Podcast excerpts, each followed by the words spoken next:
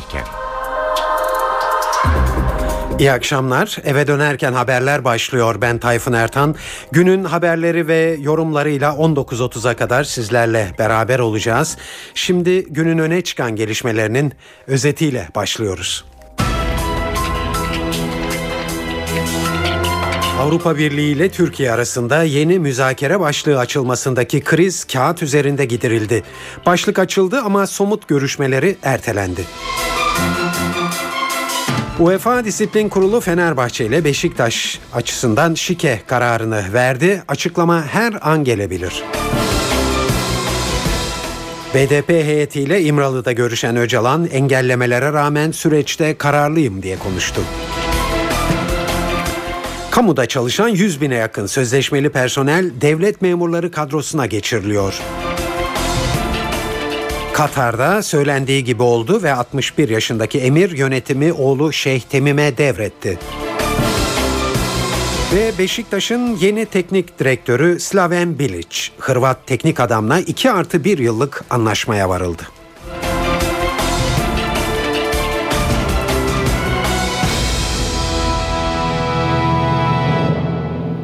Şimdi ayrıntılara geçiyoruz. Şu anda herkesin merakla beklediği haber İsviçre'de UEFA'nın Fenerbahçe ve Beşiktaş'la ilgili şike soruşturmasından sonra verdiği kararın ne olacağı.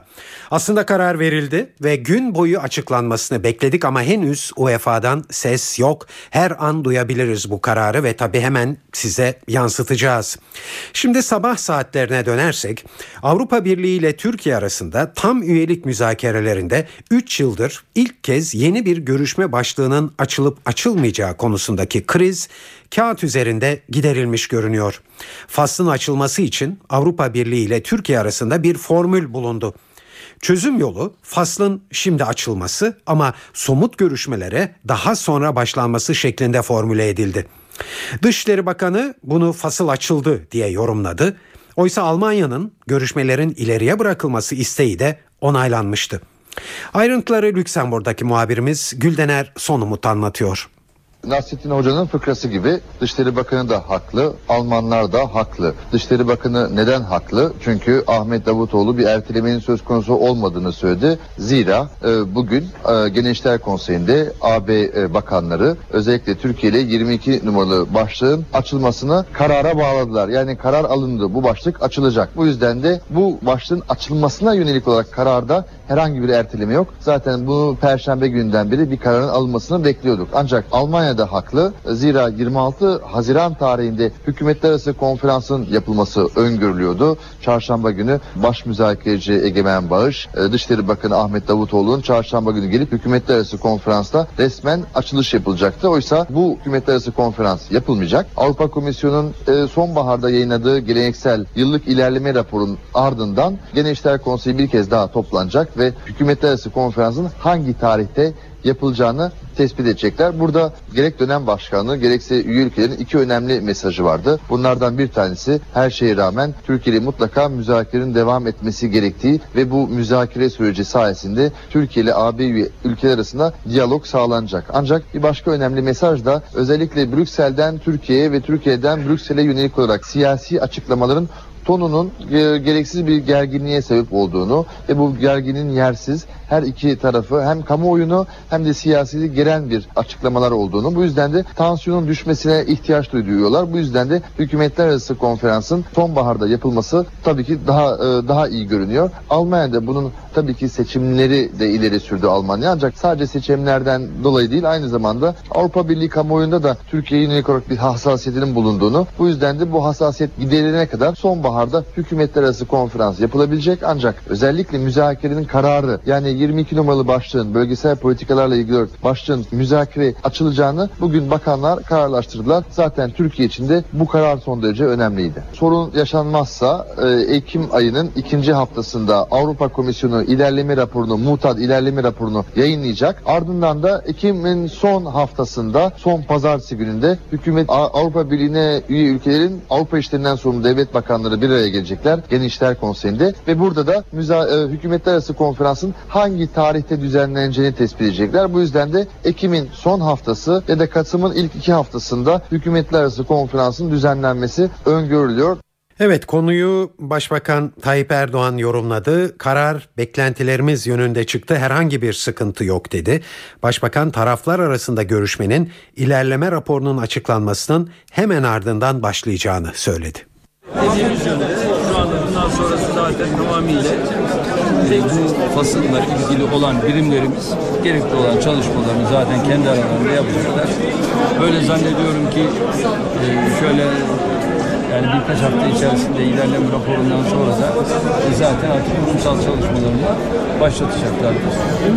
Herhangi bir sıkıntı yok. Artık bu bugün bütün ilgili birimler tarafından da açıklaması yapılır. Kürt sorununa çözüm sürecinde ilerleme kaydedilemediği yolundaki eleştirilerin arttığı bir sırada Abdullah Öcalan'dan daha sakin bir açıklama geldi.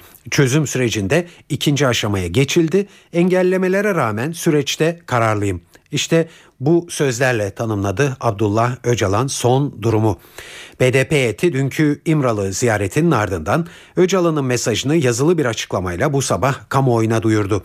O mesajın ayrıntılarını NTV muhabiri Ercan Gürses'ten dinliyoruz.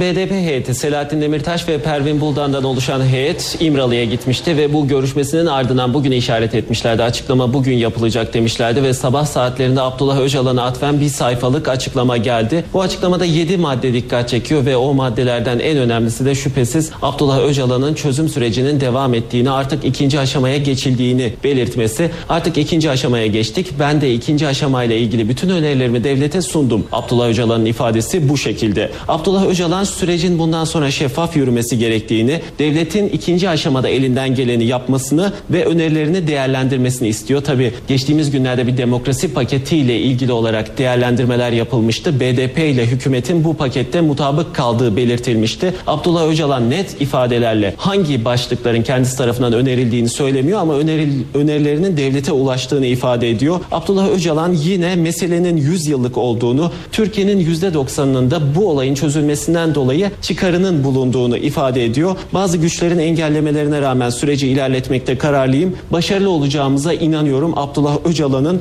bu açıklamadaki ifadeleri BDP'nin Abdullah Öcalan'a atfen yaptığı açıklamada şu ifadede yer alıyor çözümden yana olan herkesin bu aşamaya bundan sonra katkıda bulunması gerekiyor. İkinci aşama son derecede önemli. Abdullah Öcalan'ın ifadeleri e, kısaca özetlemek gerekirse BDP'nin İmralı ile görüşmesinin ardından Abdullah Öcalan'ın açıklaması geldi. Çözüm sürecini ilerletmekte kararlıyım. Her türlü engellemelere rağmen kararlıyım diyor Abdullah Öcalan ve ikinci aşamaya geçildiğini bu şekilde kendi ifadeleriyle duyurmuş oluyor. Peki ikinci aşamada yapılması beklenen yasal düzenlemeler ne ola?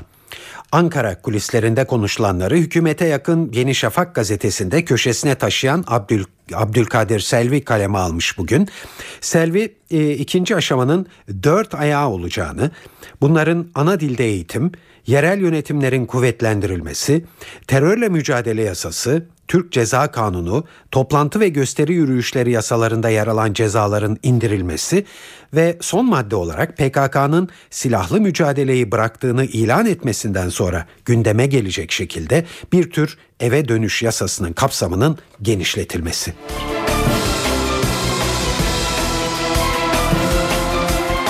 Evet kulislerde atılacak adımlara ilişkin bazı bilgiler dolaşmakta. E, meclis takvimama en azından bu yasama yılı için e, buna pek izin verecek gibi de görünmüyor. Çünkü parlamento gelecek hafta kapanıyor. BDP cephesi sürecin ikinci aşaması olarak nitelendirilen yasal reformların hayata geçirilmesi için meclisin tatile girmeden yaz aylarında da çalışmasını istiyor. Eş Başkan Gülten Kışanak hükümet ikinci aşamayı başarıyla ilerletmek istiyorsa parlamento bu yaz çalışmalıdır diyor.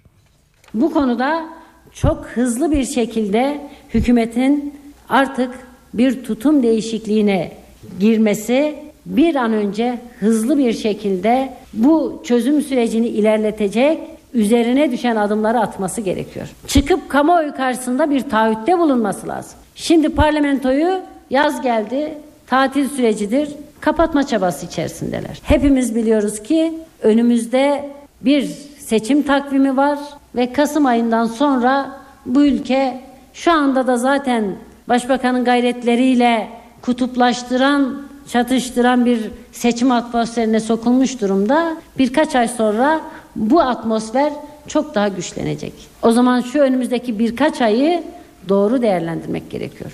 Bir an önce kamuoyunun karşısına çıkılmalı, yapılacaklar konusunda taahhütte bulunulmalı, açıkça, net olarak şu şu yanlışlar, eksikler var bunları düzelteceğiz, çalışmalarımızı yürütüyoruz denilmeli ve parlamento bu yaz gündüz mü, gece mi, hafta sonu mu ne diyorlarsa her koşulda biz çalışmaya hazırız.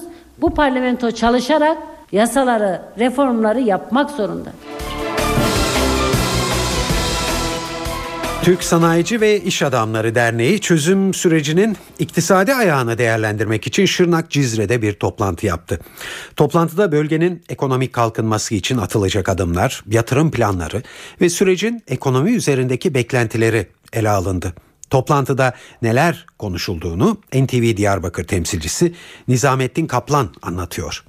Cizre tarihinde bir ilki e, yaşadı, bir ilki gerçekleştirdi. Cizreli olan ve aynı zamanda TÜSİAD üyesi Tarkan Kadıoğlu'nun girişimleri sonucu 30'a yakın Türkiye'nin kalbur üstü 30'a yakın ismi iş adamı bugün Şırnak'ın Cizre ilçesindeydi ve çözüm süreciyle bilgi, birlikte bölgede ne gibi yatırımlar yapılabilir? Bir anlamda hem bunun altyapısını e, araştırma şansı buldular hem de deneyimlerini paylaştılar. Tarihi Kırmızı Medrese'de gerçekleşti bu toplantı ve sloganı da çözüme yatırımdı. E, ilk olarak kürsüye Süleyman Onatça çıktı.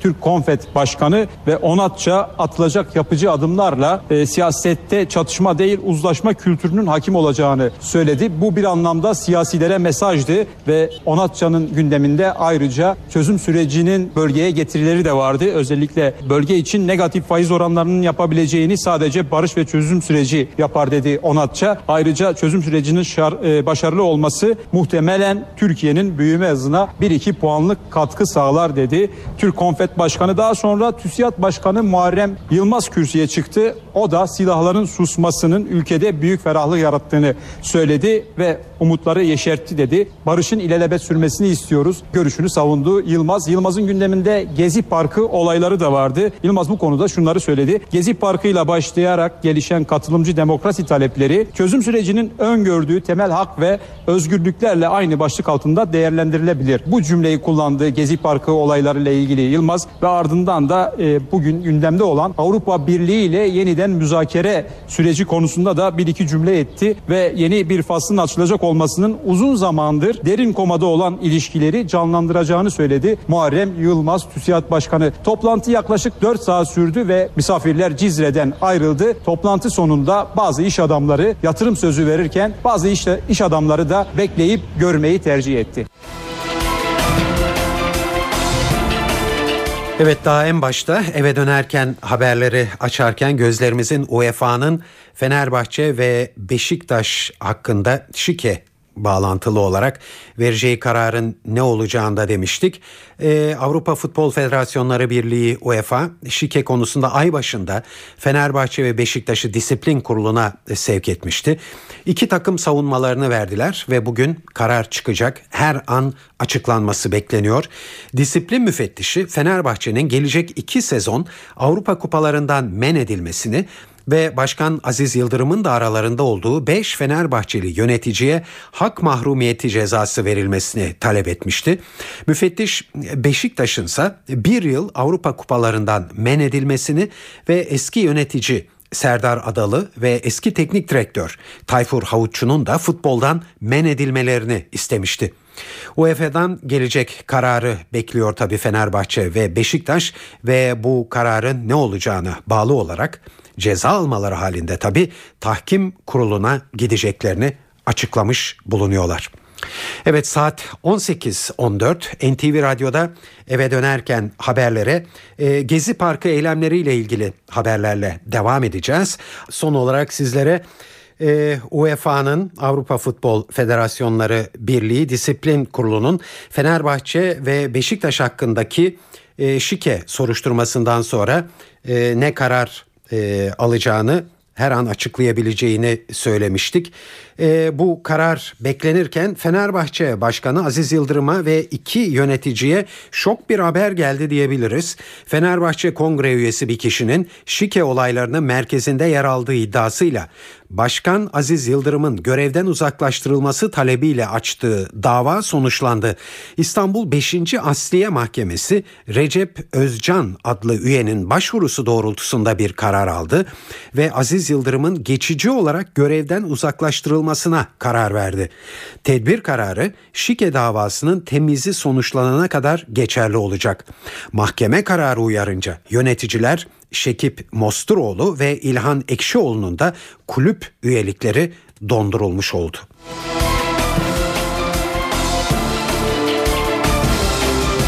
Şimdi Gezi Parkı eylemleriyle ilgili haberlerle devam edeceğiz. Ee, Başbakan Erdoğan e, polise Gezi Parkı'na yönelik müdahale emrini Kuzey Afrika seyahati dönüşünde vermiş olduğunu anlattı bugün. Başbakan polis müdahalesi sırasında Divan Oteli'nde yaşananlar ve atılan tweetler konusunda da şöyle dedi. Kuzey Afrika'dan döndüm baktım ki hala bunlar duruyor. E durunca İçişleri Bakanıma ne diyecektim? 24 saat içinde bunları temizle. Meydan temizlenecek, anıt temizlenecek, ardından da Gezi Parkı'nı bu işgalcilerden temizleyeceksiniz. Çünkü bu Gezi Parkı belli bir azınlığın değil, milletin Gezi Parkı'dır. Buradan tüm millet istifade eder. Belli bir azınlık gelip de orayı işgal edemez. Böyle bir park anlayışı yoktur. Yasalarda da bunların tanımı vardır. Eğer işgal varsa orada devlete düşen görev o işgali kaldırıp o tür parkları halka açmaktır. Yapılan bu. Ve ne oldu? 24 saat içinde Atatürk Kültür Merkezi temizlendi. Cumhuriyet Anıtı temizlendi. Meydan temizlendi. Ardından da bir gün sonra 48 saat sonra Gezi Parkı o da temizlendi. Ne dediler? Gezi Parkı'na işte şafak harekatı uygun değildi. Ne olacaktı? Keyfinizi mi bekleyecektik? Evet Avrupa Birliği gezi olaylarını yakından takip etmekte. Bu kapsamda bir görüşme yapıldı bugün Ankara'da. Eylemlere yönelik polis müdahalelerine tepki gösteren Avrupa Konseyi'nin Genel Sekreteri Torbjörn Jagland, başkentte Başbakan Erdoğan ve Dışişleri Bakanı Ahmet Davutoğlu ile görüştü. Gezi Parkı olaylarını konuştular bu görüşmede ve Jagland'ın polis müdahalesini orantısız olarak nitelediği ve eleştiriler getirdiği anlaşıldı. Genel Sekreterin bununla birlikte Türkiye'nin üyelik sürecinin iki taraf açısından da hayati önemde olduğunu söylediği de belirtiliyor. Evet fasıl krizinin tırmanmasında Avrupa Birliği Bakanı Egemen Bağış'ın sert söylemlerinin etkili olduğu birçok Avrupalı yetkili tarafından ifade edilmişti geçtiğimiz günlerde. Bugün Avrupa Birliği Bakanı var olan gerginliğin azaltılması için Avrupa Birliği üyesi ülkelerin büyükelçileriyle bir araya geldi. Egemen Bağış bu toplantıda kendilerine bilgi verdiğini ve onlardan gelen eleştirileri dinlediğini söyledi verilen zararlara dair görüntüleri paylaştık. Sonra kendi ülkelerinde bu tür eylemler olduğunda kendi güvenlik güçlerine nasıl reaksiyon verdiğine dair görüntüleri de paylaştık. Yani gücün kullanılmasında aşırıya kaçılmasının sadece Türkiye has bir olay olmadığı, İngiltere'de de, Almanya'da da, Fransa'da da, dünyanın farklı ülkelerinde de bu tür olayların olabileceğini göstermiş olduk. Bizim atalarımızın söylediği güzel bir söz var. Dinlemekten akıl, söylenmekten de pişmanlık doğar. Biz onları dinledik, onlar da bizi dinlediler. Çünkü bu kısmını pek dinlememişlerdi. Onların da görüşlerini dinledik. Biz de onların fikirlerinden faydalandık. Bu görüntülerin dışında hem Emniyet Genel Müdürlüğümüzün hem Ankara Emniyet Müdürlüğümüzün yetkilileri onların sorularına cevap verdiler. Sayın Başbakanlık Müsteşar Yardımcımız ve Kamu Diploması Merkezimizin Başkanı İbrahim Kalın Bey de bir sunum yaptı. Ben kapsamlı bir sunum yaptım. Oldukça faydalı oldu. Bu tür diyaloglardan kaçmamamız tam tersine bilgileri paylaşmamızın yararlı olacağını inanıyorum. Hani bizim inandığımız bir konu var. Islanmış kişinin yağmurdan korkusu olmaz. Biz çok şükür demokratik bir hukuk devletiyiz. Türkiye'de son 3-4 hafta içerisinde yaşananlar da demokratik hukuk devletlerinin tamamında yaşanmış olan olaylardır. Bu tür süreçte evet Türk politiğinin içerisinde görevini kötüye kullananlar olmuş olabilir ama onlarla ilgili başlatılan soruşturmalar vardır. Bu eylemlere katılan insanların bu konularda hisleri varsa ya bir siyasi partiye kanalize etmeliler ya da kendileri bir siyasi parti kurarak demokrasimizi güçlendirme yolunu seçmeliler. Bizim barışçıl her türlü gösteriye saygımız var. Bugün Ankara'da parti grup toplantıları vardı. Ana muhalefet cephesinde tek gündem gezi olaylarıydı tabi. CHP Genel Başkanı Kemal Kılıçdaroğlu gençlere sahip çıkan bir konuşma yaptı. Başbakan Erdoğan'ı ayrımcılık yapmakla eleştirdi.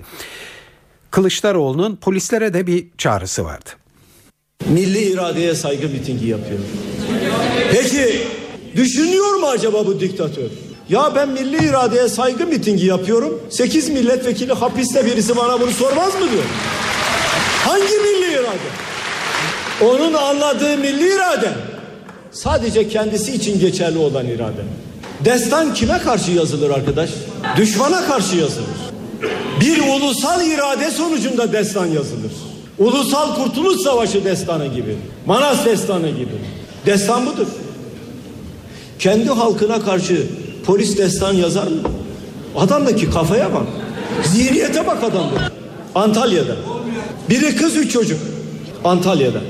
17 polis birden dövüyor. Recep'in destanı bu.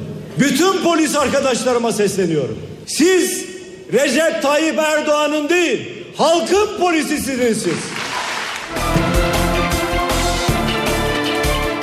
Aynı konu Milliyetçi Hareket Partisi Genel Başkanı Devlet Bahçeli'nin de gündemindeydi tabii. Ee, Bahçeli, Başbakan Erdoğan'ın son AKP mitinglerinde kullandığı dili eleştirdi. Başbakan Erdoğan milli iradeye saygı mitingleri düzenlemektedir. Ne var ki kullandığı dil son derece ayrıcıdır. Konuşmaları son derece istismarcı ve tehdit yüklüdür. Başbakan Erdoğan özellikle manevi değerlerimizi siyasi malzeme yapmaktan bir an olsun vazgeçmemektedir. Sanki yüce dinimizi kendi tekeline almış gibi hezeyan içinde açıklamalarda bulunmaktadır. Şu sözler başbakanın ağzından Samsun'da yapmış olduğu konuşmasında bir bir dökülmüştür. Namazda kıyamla direniriz. Onlar milyonlarca tweet atsınlar. Bizim tek bir besmelemiz oyunları bozar. Onlar yaksınlar, yıksınlar, yağmalasınlar. Bizim tek bir lahavlemiz bütün tuzağı bozar. Onlar camilere ayakkabılarla girsinler. Onlar camilerde içki içsinler. Onlar başörtülü kızlarımıza el uzatmaya kalksınlar. Bu milletin duası, bu milletin bir kez ya Allah, ya Fettah, ya sabır demesi onların bütün hesaplarını alt üst eder. Bunlar ancak düşmana karşı söylenecek sözlerdir. Bunlar ancak milleti bölmeye ve iki farklı uca taşımaya çalışan eski tip siyaset çürümüşlüğünün bir yansımasıdır. Başbakan Erdoğan kendisini ne zannetmektedir? Besmele çekmesini bir tek şahsı mı bilmektedir? Yüce dinimizi yalanlarına, riyakarlıklarına, aslı astarı olmayan ifadelerine payanda yapmaktan dolayı hiç mi yüzü kızarmamaktadır? Bu kafa yapısıyla Türk milleti nereye kadar gidecektir? Bingöl'deki cinsel saldırı davasında mahkeme tarafından serbest bırakılan 5 uzman çavuştan biri tutuklandı.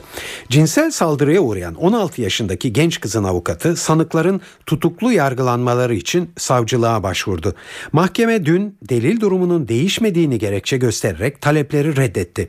Bugün yeni bir başvuru üzerine talebi yeniden değerlendiren mahkeme bu sefer itirazı kabul etti ve sanık çavuşlardan birini tutukladı.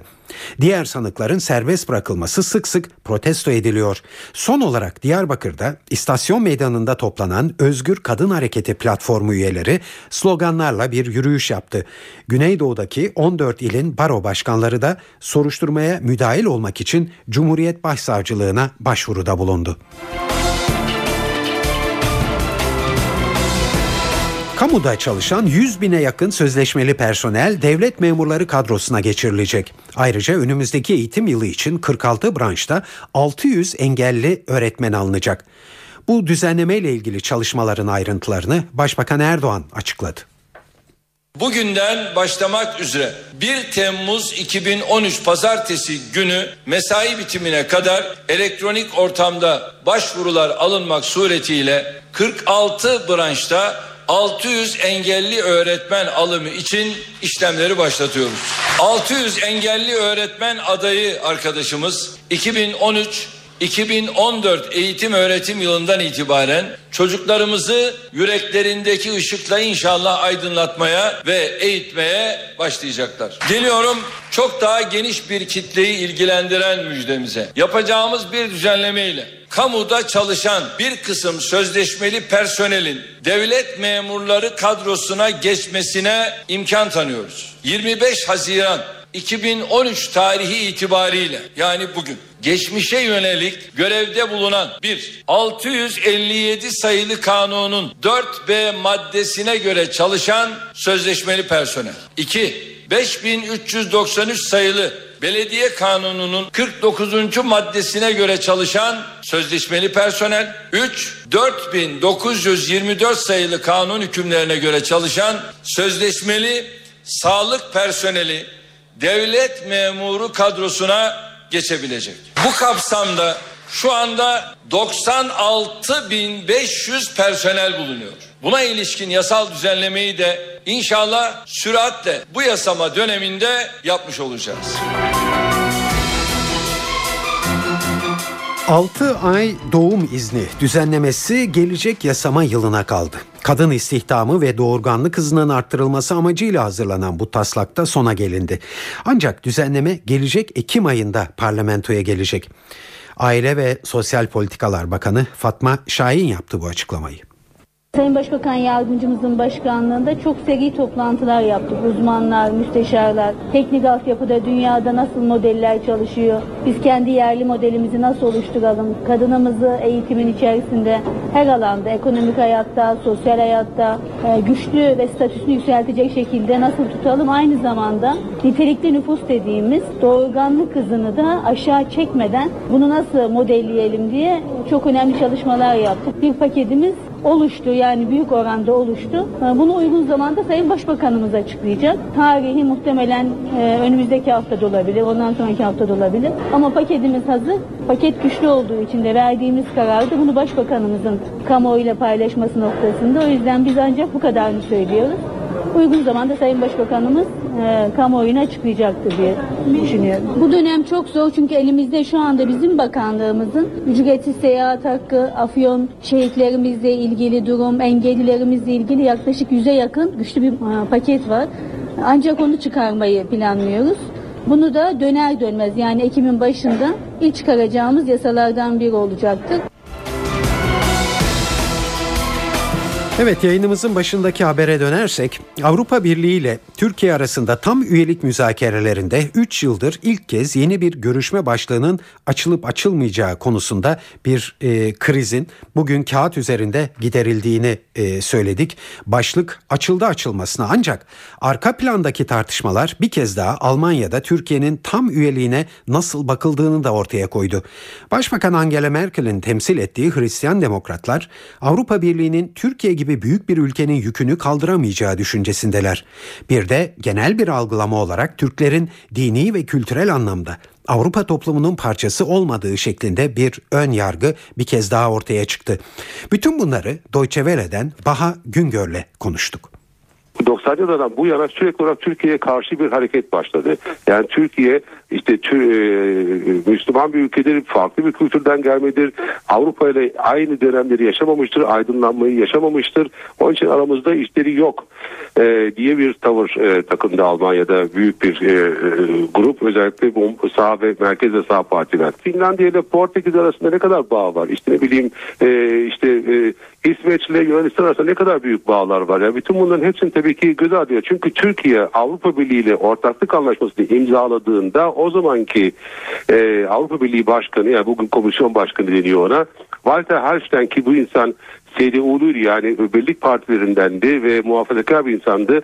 E, Türkiye Avrupa Birliği'ne dahildir çünkü Avrupa Birliği coğrafik değil siyasi bir kavramdır ve değerler kavramıdır ve bunu 1963'te söyleyen bir e, e, muhafazakar Alman politikacının bu söylemi maalesef havada kaldı. Şu anda Türkiye çok başka nedenlerle tabii ki bahane çok Türkiye'yi geri itmek için çok başka nedenlerle Avrupa'nın dışında tutulmaya çalışılıyor. Peki ba Gezi Parkı'ndaki olaylar aslında e, Türk toplumunun çok farklı bir yüzünü de göstermesi açısından şaşırttı mı e, Almanya'da kamuoyunu?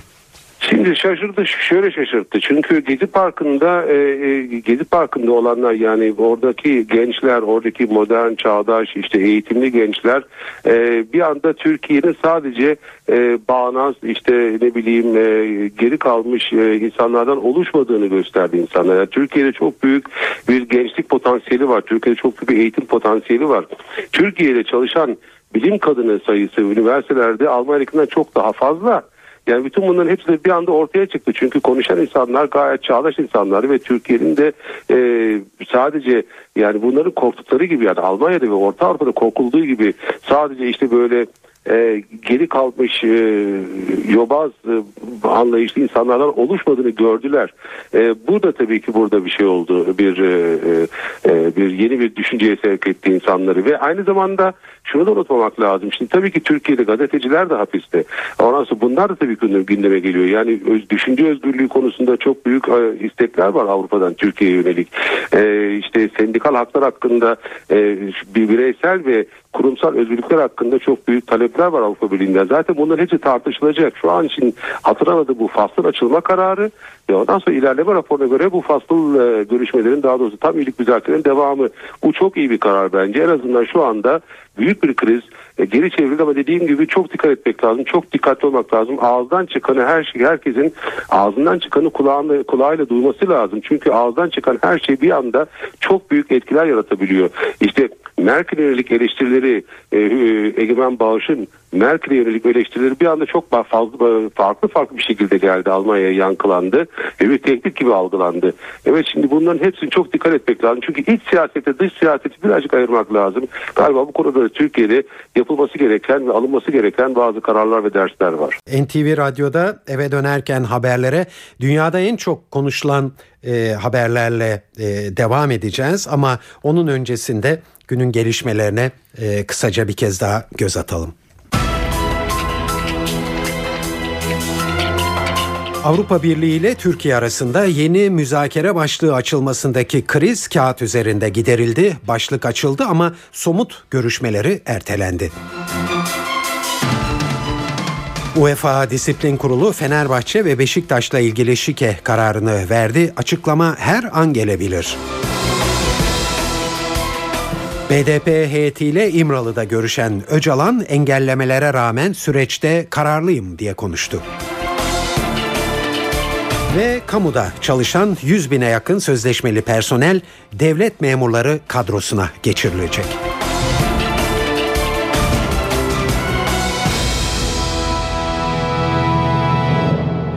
Evet şimdi dünyada en çok dikkat çeken gelişmelerle devam ediyoruz. Amerikan Ulusal Güvenlik Kurumu'nun halkın telefon ve internet kayıtlarını izlediğini kamuoyuna sızdıran eski istihbaratçı Edward Snowden Moskova'da ortaya çıktı. Rusya Devlet Başkanı Vladimir Putin, Snowden Moskova'ya geldi, bunu beklemiyorduk dedi. Putin, Snowden'ın transit amaçlı Moskova'da olduğunu söyledi.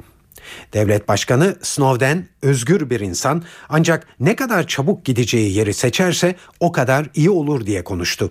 Amerika Birleşik Devletleri Ekvador'a sığınma talebinde bulunan Snowden'in iadesini istiyor.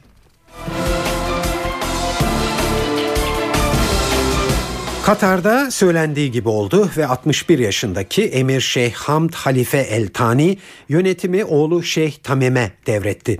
61 yaşındaki Emir Katar halkına seslendiği 7 dakikalık konuşmasında yeni neslin yönetimi üstlenme zamanının geldiğini söyledi. Şeyh Hamd Bu kararıyla Arap dünyasında sıra dışı bir adımı dağıtmış oluyor aslında. Kısa sürede açıklanması beklenen yeni yönetimde gençlerin ağırlıkta olması beklentisi yaygın.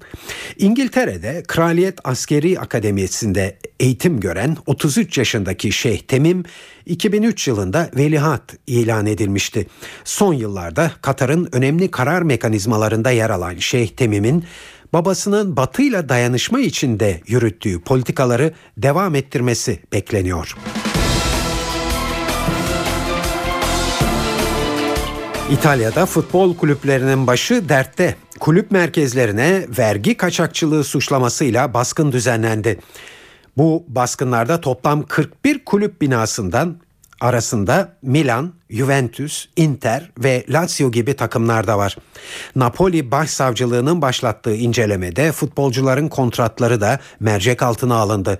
Kontratlarda kulüpler ve futbolcu menajerleri arasında usulsüzlük yapıldığı da iddia edilmekte.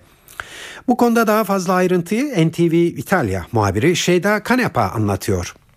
İtalya 1. Futbol Ligi Serie A başta olmak üzere Serie B ve diğer alt liglerdeki takımlar hakkında mali inceleme başlatıldı. Futbolcu sözleşmelerinde usulsüzlük, sahte faturalandırma, uluslararası vergi kaçırma ve kara para aklama gibi suçlamalar doğrultusuna başlayan operasyonda İçlerinde Inter, Milan, Juventus ve Napoli gibi takımlarında bulunduğu 18 Serie A kulübünün yanı sıra 12 Serie B ve diğer alt kategorilerde yer alan 11 kulüp bulunuyor. Mali polis tarafından Serie A'da Bologna ve Cagliari takımları hariç bütün kulüplere baskın yapıldı ve ofislerde bulunan belgeler inceleme altına alındı.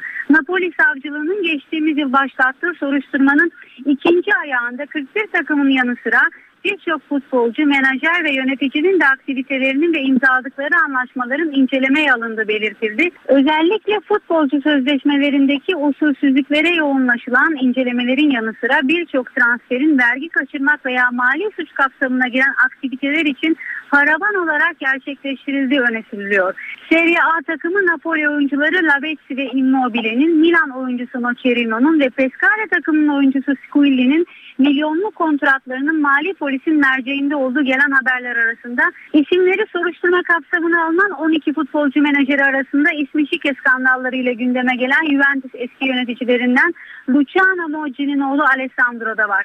Napoli savcılığının koordine ettiği geniş kapsamlı soruşturmada özellikle Güney Amerika ülkelerinden İtalya'ya transfer edilen futbolcuların kontratlarında menajerler ve kulüplerin birlikte hareket ederek usulsüzlük yapıldığı düşünülüyor. Şeyda Kanepa, NTV Radyo, Milano.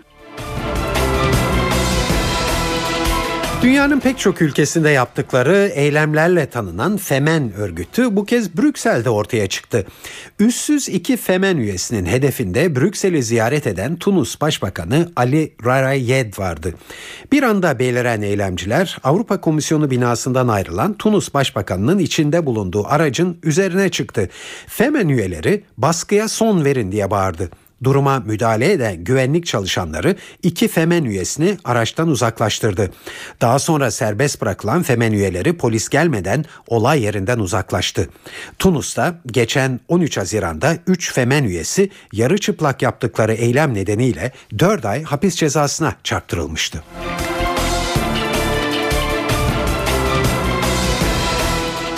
İngiltere'de meme kanserini önleyici yeni bir uygulama başlatılıyor meme kanseri risk grubunda bulunan kadınlara ilk kez önleyici ilaç tedavisi uygulanacak. Ulusal Sağlık Hizmetleri kapsamında 5 yıl süreyle uygulanacak tamoksifen tablet ilaç tedavisinin meme kanseri riskini %40 oranında azaltacağı vurgulanıyor. Önleyici ilaç tedavisinin yüksek risk taşıyan kadınlarda masektomi denilen memenin alınması operasyonuna alternatif olabileceği de kaydedilmekte. Fakat uzmanlar seçeneklerin dikkatle değerlendirilmesi gerektiğini vurguluyorlar. Meme kanserinde Angelina Jolie gibi çok yüksek risk grubuna dahil kadınların yine de masektomi operasyonuna başvurabileceği belirtiliyor. Bu operasyonun bazı durumlarda ömür boyu meme kanserine yakalanma riskini neredeyse sıfıra indirdiği biliniyor. Daha az risk taşıyan kadınlar içinse ilaç tedavisinin bir alternatif olabileceğine dikkat çekiliyor.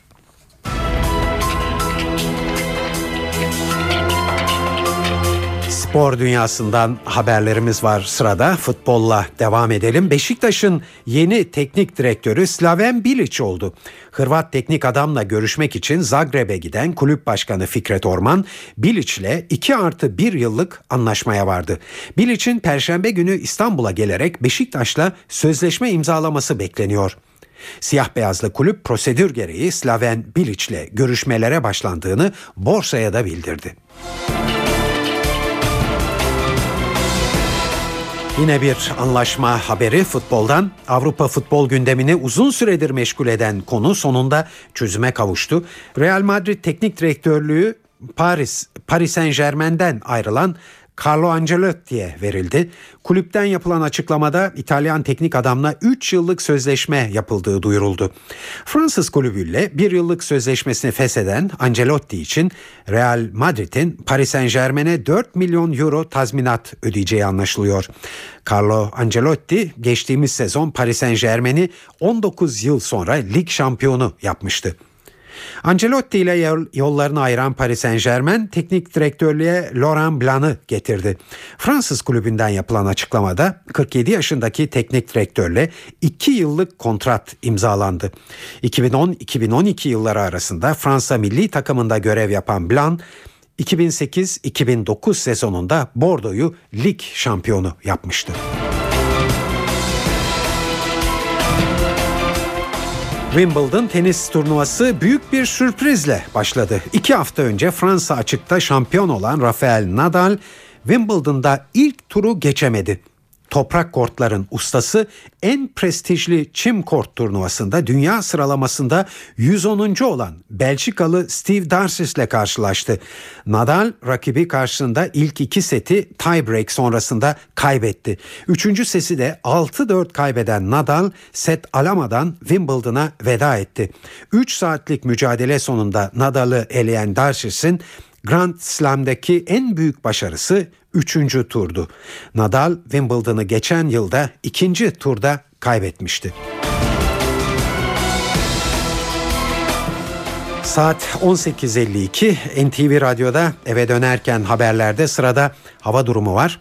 Her akşam olduğu gibi yine NTV Meteoroloji Editörü Gökhan Abur'u dinliyoruz.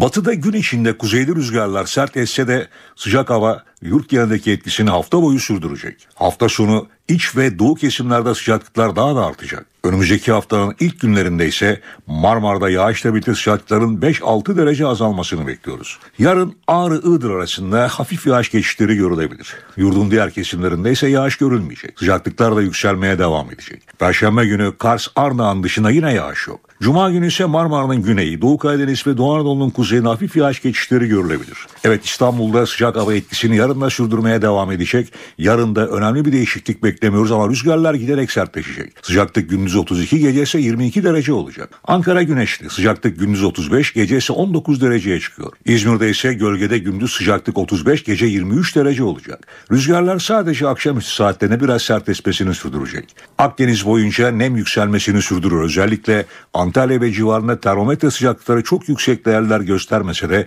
hissedilen sıcaklıklar yüksek nemden dolayı fazla olacak. Doğuda ise yine sıcaklıklar yer yer 40 dereceye yaklaşırken iç kesimlerde sıcaklıklar yine yüksek değerlere çıkacak. Ve para ve sermaye piyasalarında bugün yaşanan gelişmeleri de CNBC'den Enis Şener'dam anlatıyor. Dün sert düşüş yaşayan Borsa İstanbul'da bugün toparlanma çabası vardı. Endeks gün içinde kritik olarak görülen 73 bin direncinin üzerinde kalmaya çalışsa da yükseliş kar satışlarıyla karşılandı ve kapanış sadece %0.81 primle 71.214 seviyesinden gerçekleşti. Analistler BIST 100'ün birkaç gün 73 bin seviyesi üzerinde kapanış gerçekleştirmedikçe yükselişlerin kalıcı hale gelmesinin zor olduğunu belirtiyor. TL tarafında ise bir miktar tansiyon düştü. Dün 1.96'yı gören ve rekor kıran dolar TL bugün 1.92'li seviyelere geri döndü. Kur kapanışı 1.93.20'den gerçekleştirdi. Para piyasası uzmanları 1.91'in artık çok güçlü bir destek haline geldiği görüşünde. Tahvil tarafında hazinenin 3 kritik tahvil ihracı takip edildi. İhaleler ikinci piyasa üzerinde baskı oluşturunca gösterge tahvil faizi %8.12'den günü tamamladı. Dış borsalarda ise tedirgin bir yükseliş vardı. ABD Merkez Bankası Fed'in para musluklarını kısacağı endişesine bir de Çin bankalarına dair gelen olumsuz haber akışı eklenince borsalar yükselmekte zorlandı. Ancak dün yaşanan sert düşüşlerin ardından bugün birçok borsa her şeye rağmen günü yükselişle tamamlamayı başardı. Analistler piyasaların artık makroekonomik gerçeklere daha çok odaklanacağını söylüyor ve özellikle ABD'de açıklanacak verilerin piyasaların yönü açısından önemli olacağı vurgusunu yapıyor. NTV'de eve dönerken haberlere günün öne çıkan gelişmelerinin özetiyle başlıyoruz.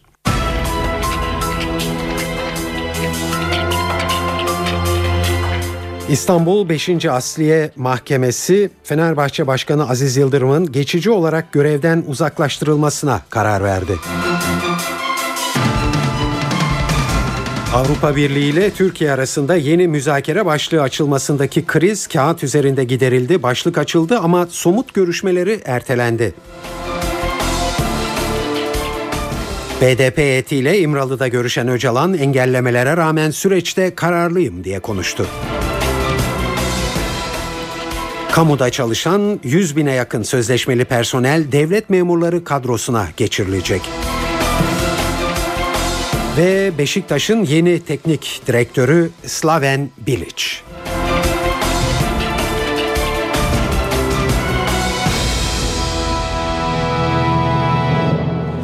Şimdi ayrıntılar. Avrupa Futbol Federasyonları Birliği UEFA'nın Fenerbahçe ve Beşiktaş hakkında açtığı soruşturmadan sonra vereceği karar merakla beklenirken Fenerbahçe Başkanı Aziz Yıldırım ve iki yöneticiye ilişkin mahkeme kararı bir şok haber olarak geldi. Fenerbahçe Kongre üyesinden bir kişinin şike olaylarının merkezinde yer aldığı iddiasıyla Başkan Aziz Yıldırım'ın görevden uzaklaştırılması talebiyle mahkemeye açtığı dava sonuçlandı. İstanbul 5. Asliye Mahkemesi Recep Özcan adlı bu üyenin başvurusu doğrultusunda bir karar aldı ve Aziz Yıldırım'ın geçici olarak görevden uzaklaştırılmasına karar verdi. Tedbir kararı şike davasının temizi sonuçlanana kadar geçerli olacak. Bu mahkeme kararı uyarınca yöneticiler Şekip Mosturoğlu ve İlhan Ekşioğlu'nun da kulüp üyelikleri donduruldu.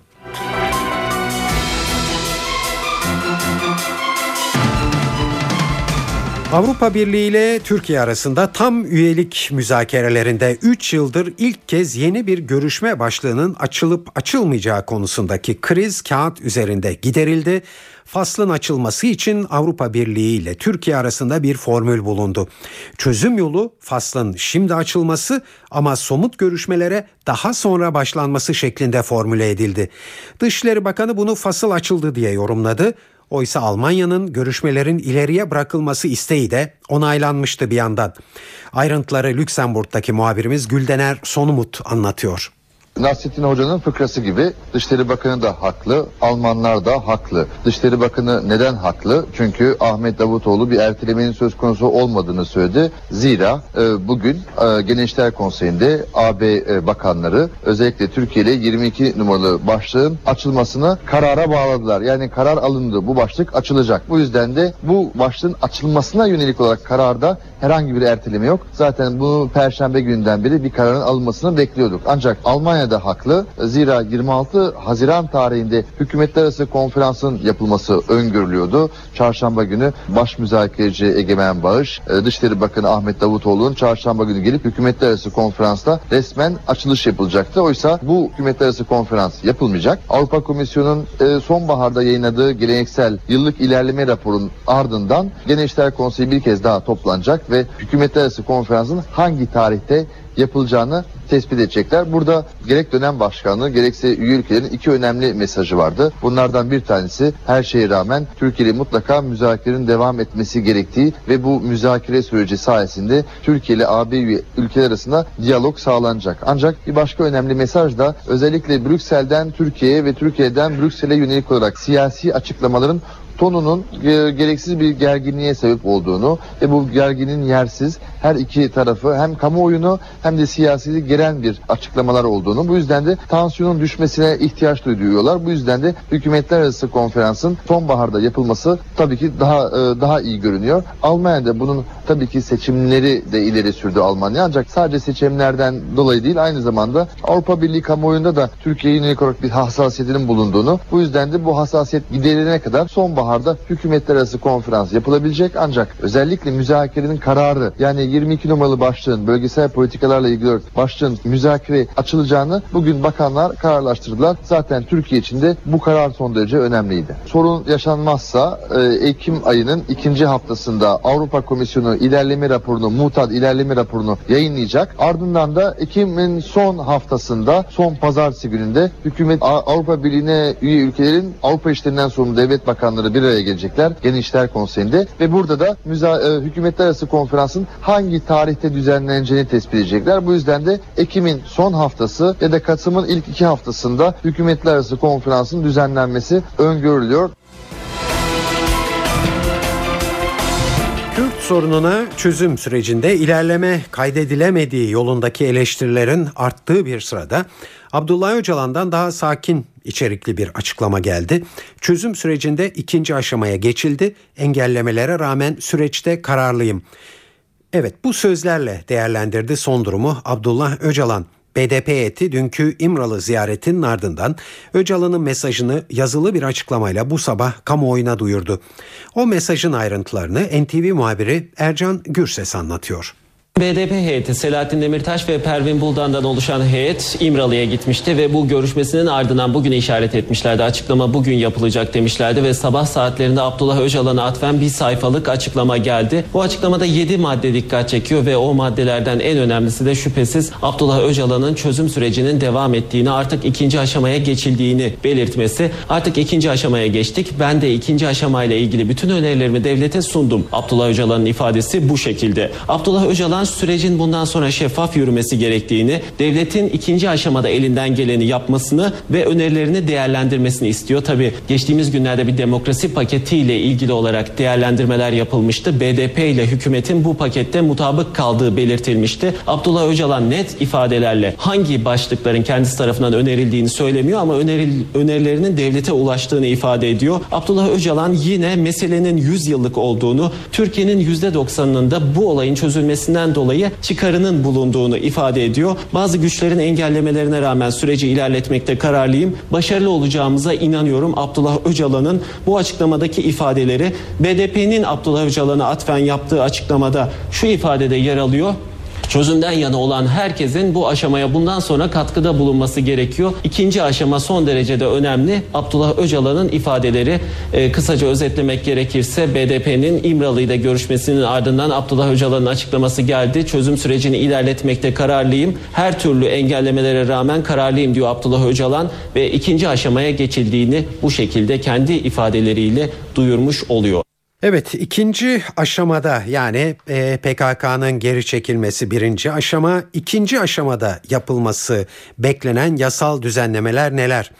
Ankara kulislerinde konuşulanları hükümete yakın Yeni Şafak gazetesi yazarlarından Abdülkadir Selvi kaleme almış bugün. Selvi ikinci aşamanın dört ayağı olacağını, bunların ana dilde eğitim, yerel yönetimlerin kuvvetlendirilmesi, terörle mücadele yasası, Türk Ceza Kanunu, toplantı ve gösteri yürüyüşleri yasalarında yer alan cezaların indirilmesi ve son madde olarak da PKK'nın silahlı mücadeleyi bıraktığını ilan etmesinden sonra gündeme gelecek şekilde bir tür eve dönüş yasasının kapsamının genişletilmesi.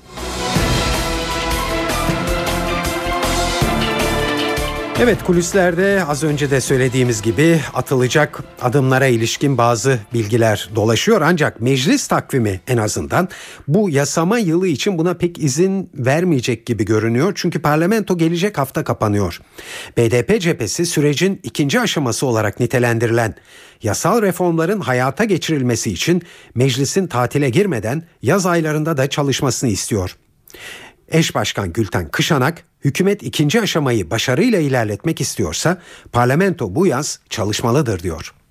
Bu konuda çok hızlı bir şekilde hükümetin artık bir tutum değişikliğine girmesi bir an önce hızlı bir şekilde bu çözüm sürecini ilerletecek üzerine düşen adımları atması gerekiyor. Çıkıp kamuoyu karşısında bir taahhütte bulunması lazım. Şimdi parlamentoyu yaz geldi, tatil sürecidir.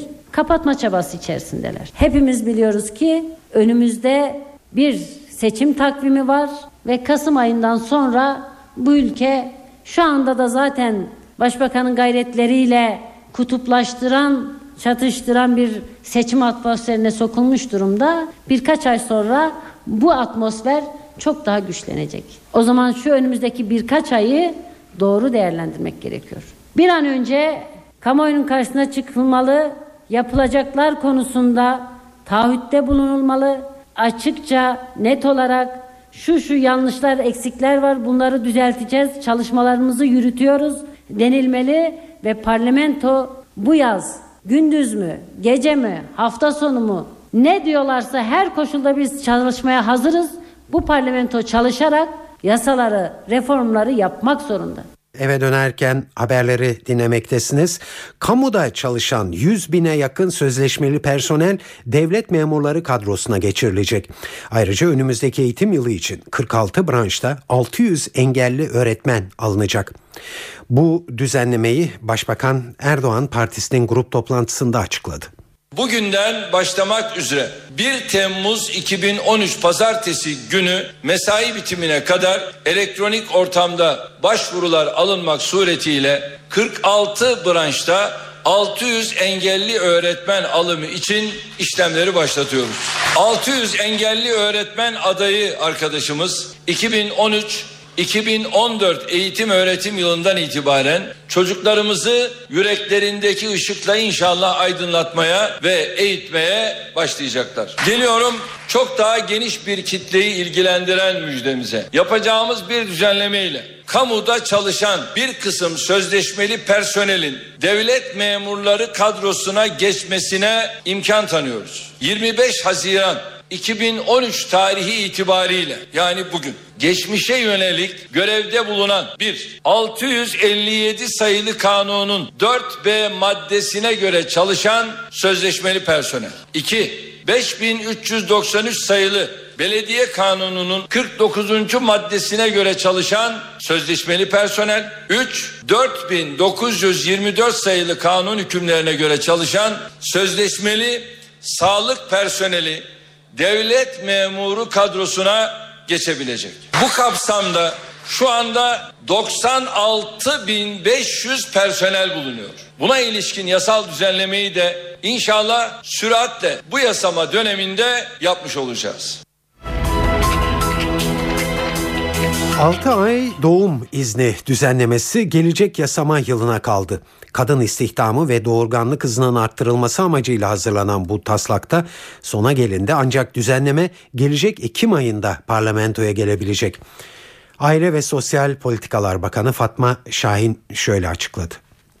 Sayın Başbakan Yardımcımızın başkanlığında çok seri toplantılar yaptık. Uzmanlar, müsteşarlar, teknik altyapıda dünyada nasıl modeller çalışıyor, biz kendi yerli modelimizi nasıl oluşturalım, kadınımızı eğitimin içerisinde her alanda, ekonomik hayatta, sosyal hayatta e, güçlü ve statüsünü yükseltecek şekilde nasıl tutalım, aynı zamanda nitelikli nüfus dediğimiz doğurganlık hızını da aşağı çekmeden bunu nasıl modelleyelim diye çok önemli çalışmalar yaptık. Bir paketimiz oluştu yani büyük oranda oluştu. Bunu uygun zamanda Sayın Başbakanımız açıklayacak. Tarihi muhtemelen e, önümüzdeki hafta olabilir, ondan sonraki hafta olabilir. Ama paketimiz hazır.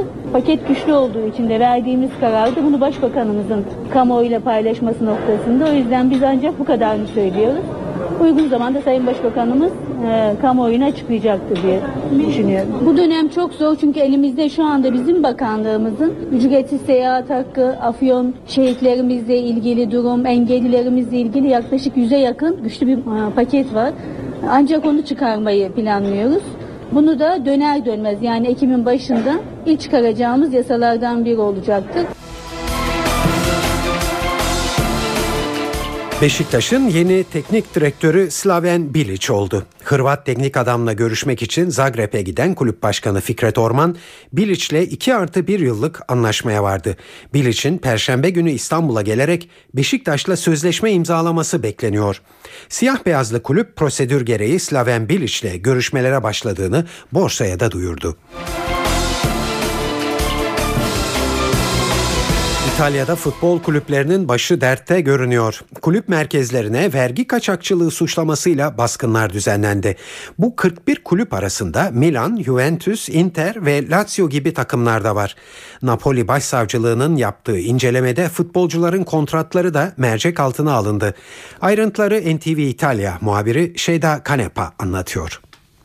İtalya 1. Futbol Ligi Serie A başta olmak üzere Serie B ve diğer alt liglerdeki takımlar hakkında mali inceleme başlatıldı. Futbolcu sözleşmelerinde usulsüzlük, sahte faturalandırma, uluslararası vergi kaçırma ve kara para aklama gibi suçlamalar doğrultusuna başlayan operasyonda işlerinde Inter, Milan, Juventus ve Napoli gibi takımlarında bulunduğu 18 Serie A kulübünün yanı sıra 12 Serie B ve diğer alt kategorilerde yer alan 11 kulüp bulunuyor. Mali polis tarafından Serie A'da Bologna ve Cagliari takımları hariç bütün kulüplere baskın yapıldı ve ofislerde bulunan belgeler inceleme altına alındı.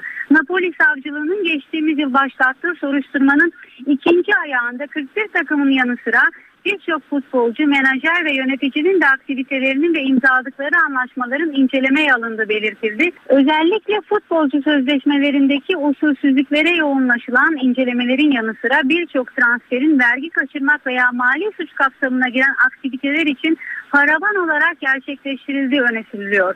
Serie A takımı Napoli oyuncuları Lavezzi ve Immobile'nin, Milan oyuncusu Nocerino'nun ve Pescara takımının oyuncusu Squilli'nin milyonluk kontratlarının mali polisin merceğinde olduğu gelen haberler arasında isimleri soruşturma kapsamına alınan 12 futbolcu menajeri arasında ismi şike skandallarıyla gündeme gelen Juventus eski yöneticilerinden Luciano Moggi'nin oğlu Alessandro da var. Napoli savcılığının koordine ettiği geniş kapsamlı soruşturmada özellikle Güney Amerika ülkelerinden İtalya'ya transfer edilen futbolcuların kontratlarında menajerler ve kulüplerin birlikte hareket ederek usulsüzlük yapıldığı düşünülüyor. Şeyda Kanepa, NTV Radyo, Milano. Wimbledon tenis turnuvası büyük bir sürprizle başladı. İki hafta önce Fransa açıkta şampiyon olan Rafael Nadal Wimbledon'da ilk turda elendi. Toprak kortların ustası bu en prestijli çim kort turnuvasında dünya sıralamasında 110. sırada olan Belçikalı Steve Darcis ile karşılaştı. Nadal rakibi karşısında ilk iki seti tiebreak sonrasında kaybetti. Üçüncü sette de 6-4 yenildi. Nadal set alamadan Wimbledon'a veda etti. 3 saatlik mücadele sonunda Nadal'ı eleyen Darcis'in Grand Slam'lerdeki en büyük başarısı 3. tura ulaşmak olmuştu. Nadal Wimbledon'da geçen yılda ikinci turda elenmişti.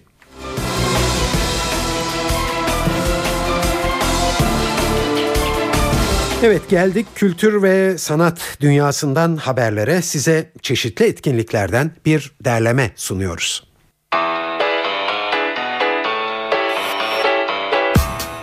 Dördüncü Uluslararası İstanbul Opera Festivali bugün başlıyor. İki hafta sürecek festival Devlet Opera ve Balesi Genel Müdürlüğü'nce düzenleniyor. Festivalin sanat yönetmenliğini baş rejisör Yekta Kara üstleniyor. Festival boyunca 5 opera prodüksiyonu ve bir gala konseriyle toplam 9 temsil sanatseverlerin karşısında olacak. İstanbullu seyirciler Rigoletto, Yıldırım Beyazıt, Lale Çılgınlığı, Saraydan Kız Kaçırma ve 4. Murat operalarını orijinal tarihi dekorlarda izleyebilecek. Festivalin ilk temsili olan Verdi'nin Rigoletto'su bu akşam Haliç Kültür ve Kongre Merkezi'nde sahneye konacak. Verdi'nin altın çağ eseri olarak kabul edilen eseri Yekta Kara sahneye koyuyor. Festivalde Mozart, Vivaldi gibi ünlü bestecilerin eserleri, Topkapı Sarayı, Aya İrini, Haliç Kongre Merkezi, Kadıköy Süreyya Operası ve Bahçeşehir Kültür Sanat Merkezi'nde sanatseverlerle buluşacak. Festival 8 Temmuz'da sona erecek. Amsterdam Sinfonietta bu akşam İstanbul'u müzik severler için konser veriyor. Dünyanın belli başlı tüm salonlarında seçkin sanatçılarla konserler veren Amsterdam Sinfonietta ile klasik müziğin yükselen yıldızı Solga Betta, Letonyalı besteci Peteris Vasks'ın yeni eserinin Türkiye premieri için festivalde buluşuyor. Sanat direktörlüğünü Candida Thompson'ın yaptığı topluluk, Korngold ve Mozart'ın eserlerini müzikseverlerle buluşturacak. Konserde ayrıca Letonyalı besteci Peteris Vasks'ın violonsel ve yaylı orkestra için Concerto adlı yeni eserinin Türkiye premieri de gerçekleştirilecek. Konser mekanı Aya İrini Müzesi. 41. İstanbul Müzik Festivali kapsamında düzenlenen performansın başlama saati ise 20. Beyoğlu Hayal Kahvesi ise Sürtkez grubunu ağırlıyor. Vokalde Deniz Özberk, gitarda Bülent Şenkul ve bas gitarda Teoman Kekli'nin yer aldığı grup saat 22.30'da sahnede. Anadolu Ateşi ise bugün Antalya'da olacak. Gösteriye Aspendos Arena ev sahipliği yapıyor. Antalyalı sanatseverler için belirtelim Anadolu Ateşi saat 21.15'te başlıyor. Bu akşam evdeyseniz CNBC'de Head of State adlı film var. Chris Rock'un yazıp yönetip başrolünü üstlendiği filmde Beyaz Saray'daki kirli bir oyun komediye dönüştürülüyor. Filmin başlama saati 22. Öncesinde ise saat 21'de Rizzoli and Isles ekranda olacak. Star TV'de de saat 20'de Ejderhanı Nasıl Eğitirsin, 22'de ise Sherlock Holmes adlı filmler ekrana gelecek. NTV'de ise saat 21'de Haber Aktüel izlenebilir. Evet saat 19.26 eve dönerken haberler bu akşam da burada sona eriyor. Bu e, yayının editörlüğünü Sevan Kazancı, stüdyo teknisyenliğini Murat Çelik yaptı. E, yarın öğle saatinde 13'te gündem programında yeniden birlikte olmak umuduyla ben Tayfun Ertan. Hepinize iyi akşamlar diliyoruz.